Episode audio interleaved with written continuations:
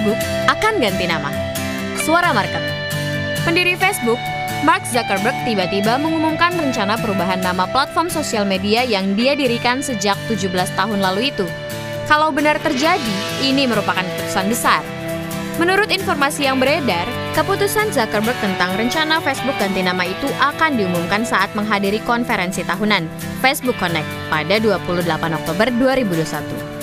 Dikutip dari The Verge, isu pergantian nama ini muncul pada saat Facebook menghadapi peningkatan pengawasan dari pemerintah Amerika Serikat. Meski begitu, di sisi lain, ada ambisi dari Facebook agar dikenal lebih dari sekedar perusahaan sosial media. Saat ini, Facebook adalah pemilik dari Instagram dan WhatsApp.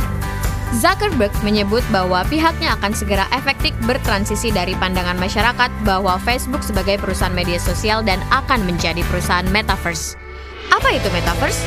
Ada yang menyebutnya sebagai versi sempurna dari virtual reality, ada juga yang menyebut sebagai masa depan internet.